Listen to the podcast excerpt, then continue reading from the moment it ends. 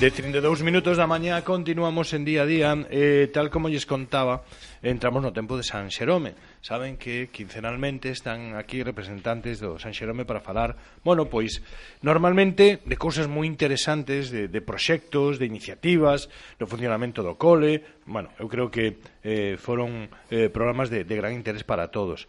Pero xe, bueno, eh, vamos a falar dun asunto desde logo Do que...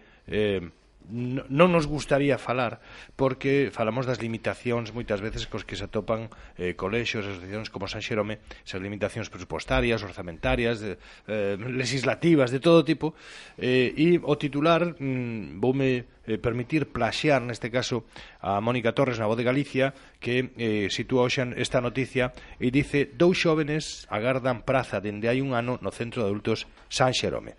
A dirección avanza que sairán á rúa para financialas porque é gravísimo. Bueno, pois isto é xusto do que imos a falar no día de hoxe e está conosco Ciano Barcárcel, que Barcárcel, perdón, que xerente de San Seriome, Ciano Bodía. Hola, bo día. Como estás? Ben, ben, ben. ben. Bueno, nos acompaña tamén Berta Pintos, eh, bo día Berta. Hola, bo día. Ela é irmá dun destes rapaces que está agardando praza. Está José Ricardo Pravio, que é secretario de San Xerome. Bo día, benvido. Hola, buenos días. Tal, como estás? E eh, acaba de chegar agora eh, e, e asaltamos xa sin anestesia Carmen Río, que nai de unha alumna que neste momento está no centro de San Xerome pero que en breve espacio me parece que se vai a topar co mesmo problema, non? Exactamente. Bueno, pois bo día, Carmen, benvida. Ah, eh, Ciano, vamos, se si te parece, primeiro a, a plantexar a situación. De, de que estamos falando? Contanos. Bueno, estamos falando de, de, de dúas persoas, de dous nenos que fai máis de 10 anos chegan ao centro educativo para, para realizar ali a súa escolaridade obligatoria e que, eh, bueno, durante esos anos teñen unha serie de apoios para que eles podan medrar, para que podan medrar na súa autonomía personal, na súa autonomía social, na, na súa relación, na súa comunicación, bueno, en, en, en, un, en, en un ámbito eh, global, digamos que de, de, de actividades que lles permiten desenvolverse. Entonces, estas dúas persoas cumplen 22 anos e agora mesmo pois eh, xa precisan de outro recurso que sería eh, unha plaza no centro de adultos eh, en setembro digamos que se acabou o seu, o, o seu tempo en educación e a partir de setembro se quedan na casa pois porque hai un, un, un, un problema burocrático a hora de poder designar un recurso eh, a, estes, a estas dúas persoas adultas non e que, e que necesitan este recurso para, para, para poder desenvolverse eh, José Ricardo, estamos diante dun problema exclusivamente económico ou non? Mm, Pues yo creo que de momento sí, es únicamente económico porque afortunadamente en el Salserome Emiliani tenemos plazas para poder cubrir. Entonces lo que pasa es que aquí mm, los recursos económicos son los que fallan. Nos dicen que no hay dinero, el dinero se ha ido para otra parte y entonces en estos momentos nos encontramos en esta situación por esto. En este momento y las situaciones venideras que desafortunadamente si esto no se le da un corte en estos momentos pues mm, llegaremos a sufrir más adelante. Claro, Ciano, porque estamos eh, falando eh, de casos eh, como o, o da filla de Carmen, ¿no? que neste momento está ali, Uh -huh. a, ata cando remate este curso se contará con este programa máis adiante. Canto lle falta para rematar a súa estancia en Pois pues ella tiene 20 años, cumple ahora 21 en marzo y salvo que no le concedan el poder estar así, pues ya tendría que estar fuera. Canto tempo leva no San Xerome? Pues mm, lleva solamente lo que es este curso y un trimestre, precisamente porque tardaron mucho tiempo en todo lo que lo de papeles, todo va despacio. Eh, Berta, como se chama o teu irmán? Óscar. Óscar. Canto tempo leva Óscar en San Xerome? Óscar eh, desde pequeniño iba dúas veces a semana, logo empezou a ir todos os días. Todos os días. Sí. El xa está na casa neste momento, non? Sí. Sin, sin praza no San Xerome. Exacto. Eh, iso para ele é un problema, para a familia é un problema.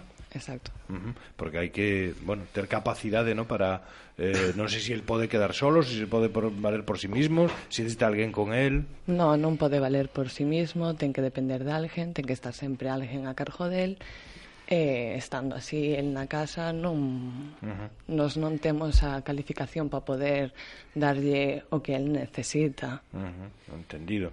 Eh, Ciano, eh, imagino que xa chamachedes a moitas portas no? moitas a moitas, no? moitas levamos un ano e medio un ano e medio plantexando este problema que é un é, a ver, é, un, é unha situación de que mm, non é solamente nosa de San Xerome, sino que realmente aí hai hai unha brecha, non? Cando os os nenos rematan a súa a súa edade escolar, pois eh, o, re, o seguinte recurso que sería un centro de día, un centro ocupacional, depende de, de das necesidades do, da persoa, pois eh, que, que aí hai unha brecha, e non hai unha continuidade. Digamos que as familias e eh, os nenos están eh, atendidos con un servicio, teñen, teñen un recurso e de repente se quedan sin nada.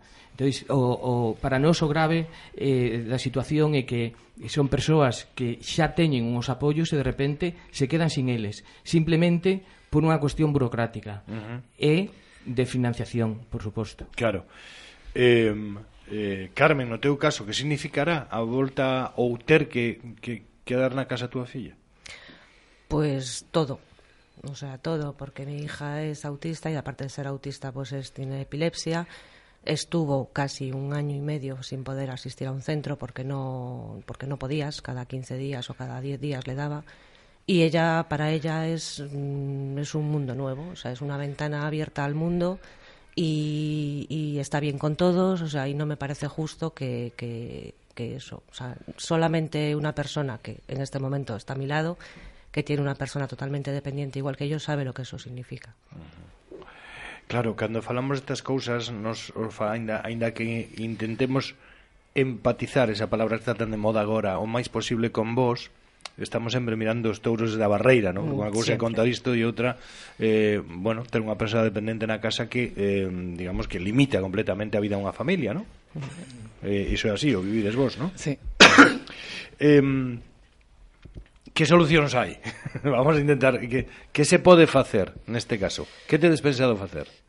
Hombre, pues nosotros lo que estamos es llamando eso a todas las puertas, a todos los sitios donde realmente eh, esta situación, mm, la cual que solamente es dinero, mm, cuando para otras muchas cosas sí que lo hay, por una, una plaza que además mm, puede costar sobre los 12, 13 mil euros, lo que no puedes hacer es tener a una persona durante 12, 13 años en un colegio dándole la atención que necesita, los, todo lo demás, porque a las familias solamente les podemos dar cariño. Y es lo que les damos, cariño y afecto pero la dedicación de los profesionales no, no estamos ni capacitados ni preparados para, poder dar.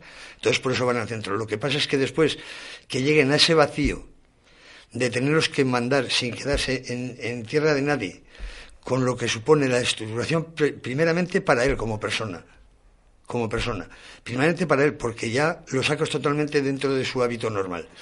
Y luego eh, la desestabilización total, como han dicho aquí los padres, que a mí también me pasa, ¿eh?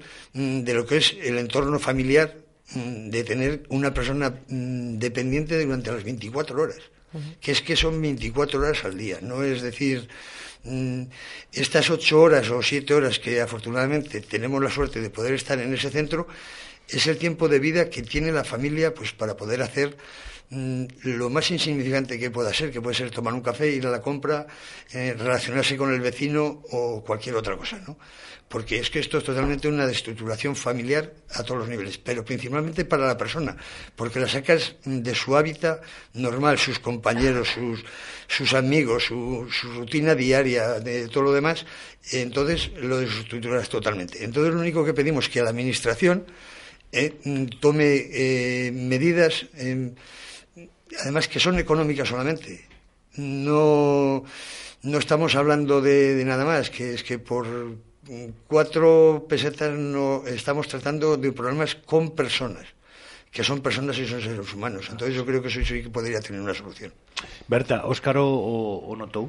Eh, sí, o notou que esa, esa, ese cambio de ir ao San Xerome non ir? Sí, de estar, sí, sí. moitísimo. El, está cambiando moitísimo.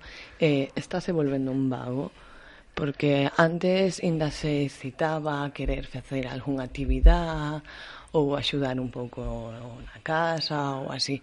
Últimamente ele é máis de estar na casa mm, sentado e mirando a tele e non tira xa tanto como para poder Antes non é unha comunicación porque non podemos ter unha comunicación con el, pero sí que hai palabras que, que el xa dicía e que agora mismo xa non as está dicindo. Uh mm. -huh. El xa non está tirando tanto como estaba tirando antes para poder decir doime a cabeza ou doime a barriga ou calquer uh mm. -huh. cousa. Eses pasos que se deran dentro do colexo que se van perdendo, non? Sí.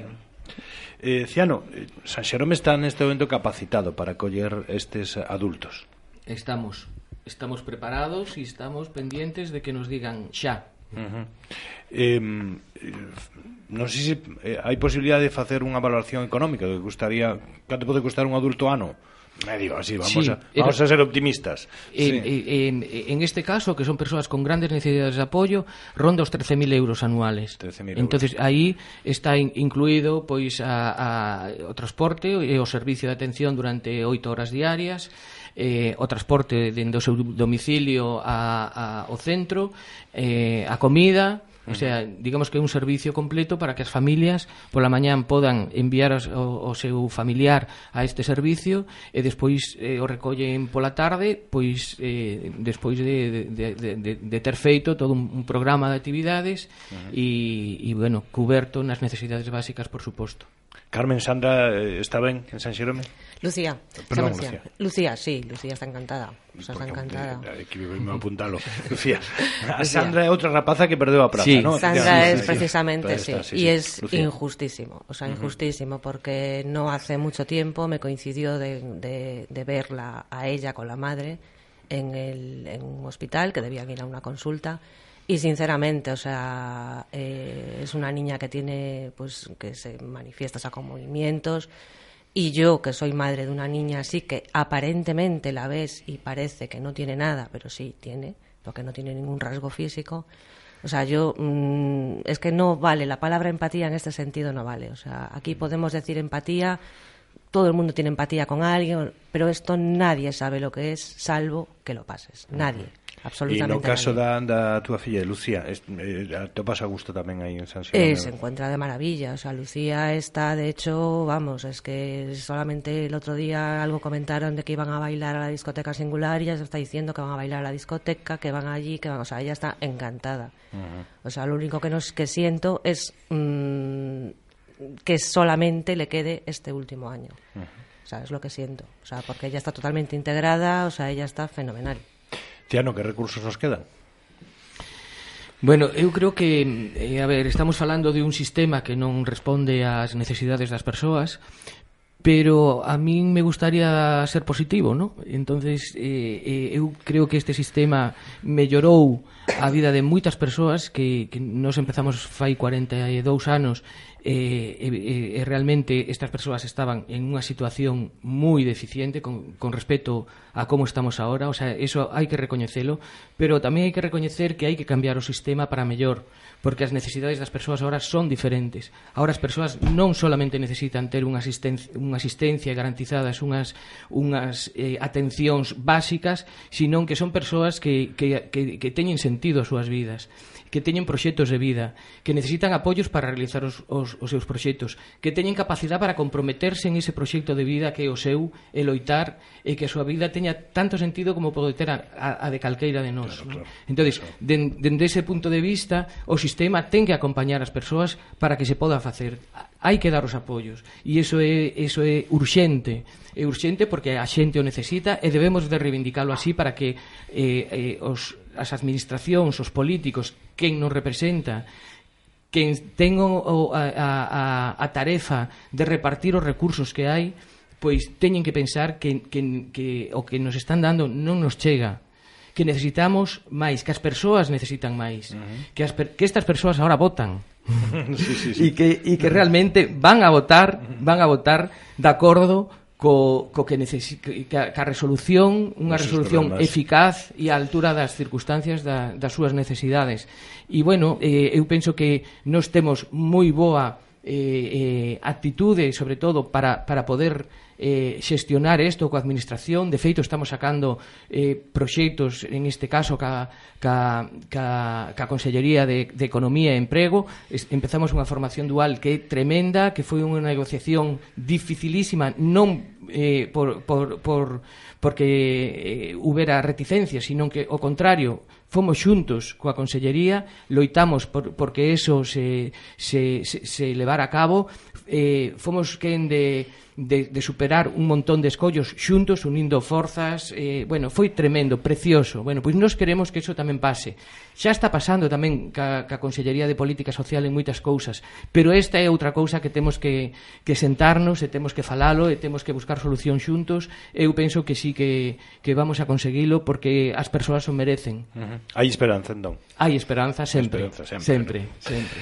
Bueno, pois eu confío en que esa esperanza se convirta en realidade e que eh, as persoas que agora están fora e as que, non sei, pouco tempo van quedar fora eh, podan continuar no, no San Xerome porque ao final estamos falando de moi poucos cartos eh, o que eu creo que mm, se hai vontade mm, hoxe en día todo se arregla, eh? absolutamente todo, con vontade todo todo se arregla.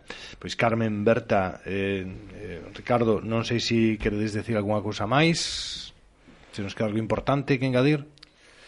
Hombre, pues lo importante primeramente dar las gracias a Radio de Tui por, por ser la ventana de que nos deje, perdón, que nos deje expresarnos de esta manera para ver si de alguna forma realmente esto llega a donde tiene que llegar y se buscan las soluciones lo antes y rápida y urgentemente para el beneficio de estas personas que realmente necesitan o necesitamos que nuestros hijos realmente se sientan útiles dentro de esta sociedad, pero si nos privan de, de estos mínimos recursos, al final no vamos a conseguir nada.